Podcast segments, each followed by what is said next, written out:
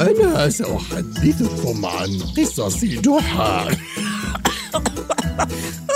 لا لا تسرحت يا شلهوب. أحتاج لأن أجمع أفكاري. أنا شلهوب. شلهوب حمار جحا. أتعرفون جحا؟ هو حكيم الحمقى وأحمق الحكماء. قصصه لا تخلو من الذكاء والحكمة وفي بعض الأحيان من الحماقة. ولكن من أين أبدأ؟ أوه تذكرت واحدة. هذه قصة عن الليلة التي قضاها جحا في نزل بعيد وقضية السرقة الغامضة التي وقع عليه حلها. في يوم من أيام الشتاء البارد أمطرت السماء بكثافة شديدة وكان صوت الرعد وضوء البرق. ينذران بعاصفة قوية. وكنا أنا وجحا في طريقنا نحو بلدة بعيدة لزيارة بعض الأقارب. إلا أن الطقس جعل من تقدمنا مستحيلا. وأصبح هم جحا البحث عن مأوى نقضي فيه الليلة تفاديا لمواجهة العاصفة. وبالفعل حالفنا الحظ عندما رأينا قرية صغيرة في الأفق واتجهنا نحوها فوجدنا فيها نزلا. وكان صاحب النزل في هذه الأثناء يسجل أسماء النزلاء الآخرين الذين كان يبدو عليهم أنهم أيضا عابرو سبيل. كانوا أربعة نزلاء وجحا خامسهم وأنا أيضا. فسلم عليهم وقال عمتم مساء يا رجال. أنا جحا عابر سبيل في طريقي نحو المدينة الخضراء. إلا أن الطقس كما ترون حال دون استمراري وحماري. فهل لنا من مبيت هنا هذه الليلة؟ فرد عليه صاحب النزل وهو يحاول مسح يديه اللتين كانتا قد تلطختا بالحبر من الكتابة. آه في الحقيقة يا أخي إن نزلي صغير. ولا يوجد فيه سوى أربع غرف ونصف. وقد سبقك هؤلاء الرجال لحجز مبيتهم. ولكن ماذا عن النصف؟ النصف؟ النصف هو غرفة احتياطية صغيرة جدا وبابها مكسور لا يفتح إلا من الخارج ولا سرير فيها ولا شباك. فإن كان ذلك يناسبك فعلى الرحب والسعة. إنها مناسبة جدا فما هي إلا ليلة واحدة. ولكن سؤالي هو كيف لي أن أخرج لأكمل رحلتي في الصباح؟ ما عليك سوى أن تطرق الباب وتنادي لكي أفتح لك. فالغرفة في الطابق الأرضي وهي مجاورة لغرفتي. في هذه الحالة رضيت. أتمانع في ربط حماري في هذا الفناء؟ ليبقى في مأمن من المطر والبرد تحت سقف الحصير. لا مانع لدي أبدا. تفضل. وربطني جحا في الفناء التعيس المغطى بالحصير وأردت صفعة. إن رضيت أنت بأحوال بائسة يا أحمق ليس عليك أن تجرني معك. آه. تتركني أنام في المكان الذي يتم تقديم وجبات الطعام فيه للضيوف؟ أنا. آه. على كل حال بعد أن وضع حوائجه في الغرفة عاد إلى الفناء لتناول العشاء مع باقي النزلاء الذين كانوا قد أتوا من مدن وقرى مختلفة وبدأوا بتداول أطراف الحديث. فعلمت أن أحدهم عطار والثاني تاجر والثالث خباز والرابع جزار. وقبل انتهاء العشاء وخلود الجميع إلى النوم طلب التاجر من صاحب النزل أن يودع في صندوق الأمانات عقدا ثمينا كان قد أتى به من الهند ليبيعه لإحدى النساء الثريات في مدينته. فوافق صاحب النزل وأخذ التاجر إلى غرفة السجلات حيث كان يوجد الصندوق ووضع العقد فيه أمامه وأعطاه المفتاح.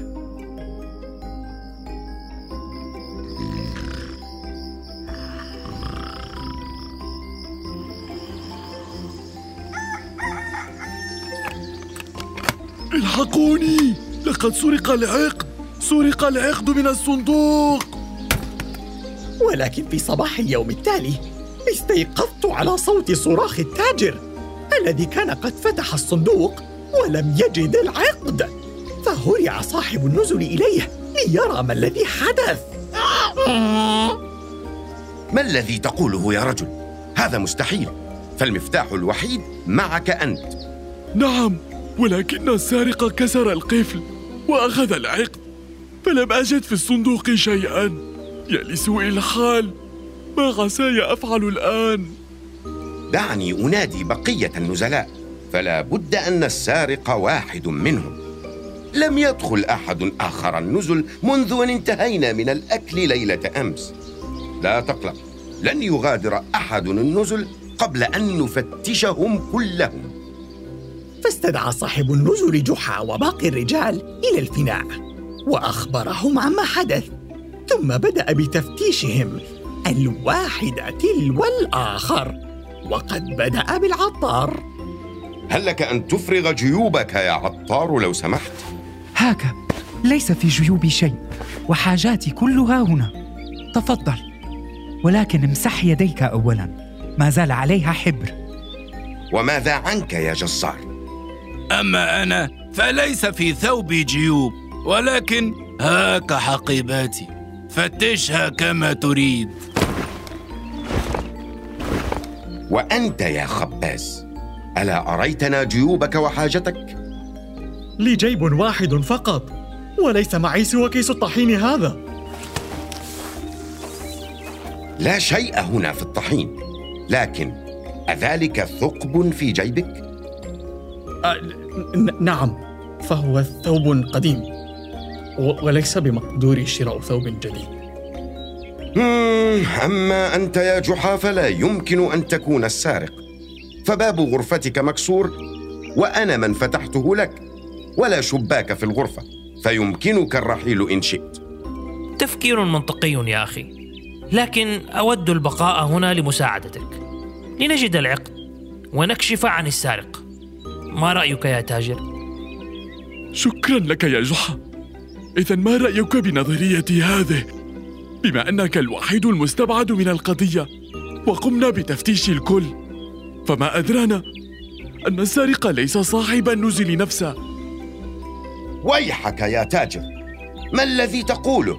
أيعقل أن أكون بهذا الغباء وأجازف بسمعتي وسمعة نزلي؟ ولم لا؟ فالعقد أغلى من النزل وكل ما فيه. التاجر معه حق. علينا أن نفتشك كما فتشتنا. نعم نعم. وعلينا تفتيش النزل كله. فلربما خبى العقد في مكان ما فيه. ويحكم ما كنت لاخون أمانة في حياتي. ففتشوا كما شئتم. فبدأ الرجال بتفتيش صاحب النزل والغرف والمرافق إلا أنهم لم يجدوا شيئا أوه. أما جحا فقد ذهب إلى غرفة السجلات ليتفقدها ووجد على الأرض قرب الصندوق الفارغ درهما فضيا. ولكني أنا قد عرفت من السارق في الحال فمنذ ليلة أمس وأنا لم أرتاح لذلك العطار البغيض آه، فكل حديثه كان عن رغبته في صنع عطر جديد يصلح للحمير والحيوانات وكأننا نحتاج لأن نتعطر لا بد أنه سرق العقد ليحصل على المال الذي يمكنه من صنع العطر. فبقي سؤال واحد وهو أين خبأ اللص العقد؟ آه. ولكنني علمت بذلك الجواب أيضا في نعاله فلم يفتش صاحب النزل نعال أحد عاد الجميع من تفتيش النزل ثم تجمعوا حول جحا وبدأوا بلوم بعضهم آه. قلت لكم إني ما كنت لاخون الأمانة وألوث سمعتي وسمعة نزلي يا جماعة. رأيي أن السارق هو الخباز ففي جيبه ثقب. فلا بد أن الدرهم الفضي الذي وجده جحا قد وقع منه عندما كان يسرق العقد من الصندوق. ومن أين لي بدرهم فضي؟ وأنا لا أملك ما أرقع به جيبي أو, أو, أو حتى ما أشتري به نعلا. يا إخواني يا إخواني. ولم لا يكون السارق أنت يا جزار؟ فقد سمعت باب غرفتك يفتح ليلة أمس. لابد أنك كنت تحلم فهذا كذب. أنا لم أغادر غرفتي قط. بل أنت السارق بما أنك تتهمني بهذه الكذبة. يا أهل الخير. بل السارق هو الخباز الفقير هو الأحوج للمال. نعم وفي جيبه ثقب. بل هو العطار. بل هو صاحب النزل. لا لا لا لا بل هو الجزار. لا بل أنت أنت السارق. واستمروا على هذا الحال. كل منهم يتهم الآخر وعلت أصواتهم. ولم يعد أي منهم يسمع الآخر إلى أن نهض جحا وأسكتهم. لا أنت. هدوء. اسمعوا. لن نجد حلا بهذه الطريقة. علينا أن نسمع بعضنا ونعطي فرصة للجميع لكي يتكلم. معك حق يا جحا فهل لك أن تحكم بينهم؟ أنا لا أثق إلا بك. حسنا يا سيدي التاجر. هل لي أن أرى الدرهم الذي وجد قرب الصندوق؟ ها هو يا جحا تفضل. فبدأ جحا يتفحص الدرهم وقام بشمه. فتأكدت حينها أني على صواب. فلا بد أن السارق هو العطار. ولذلك شم جحا الدرهم ليتأكد أن عليه رائحة من العطر. ولكنه فاجأني عندما قال لصاحب النزل هل لي بكوب من الماء من فضلك؟ طبعا.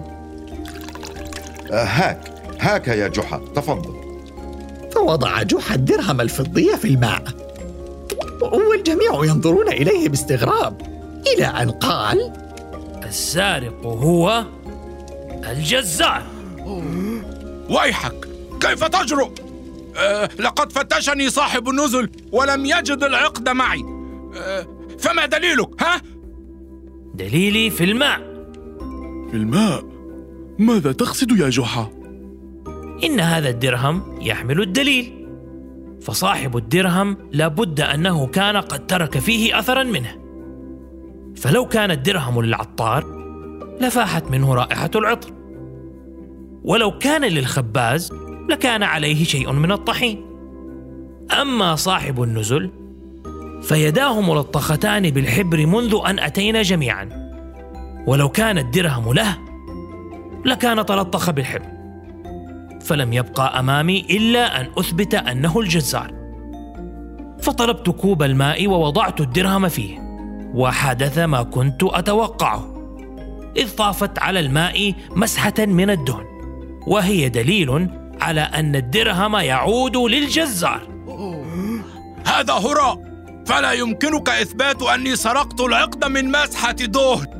فقد تم تفتيشي فأين العقد ها؟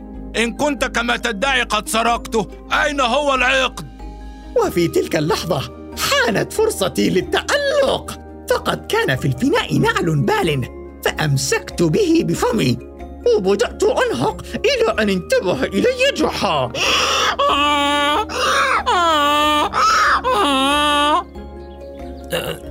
حذاؤك إنه في حذائك.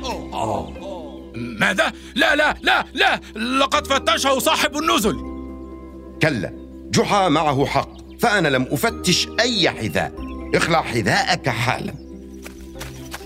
فما كان من الجزار إلا أن بدأ بالهرب فأسرعت قبله إلى البوابة فارتطم بي ووقع.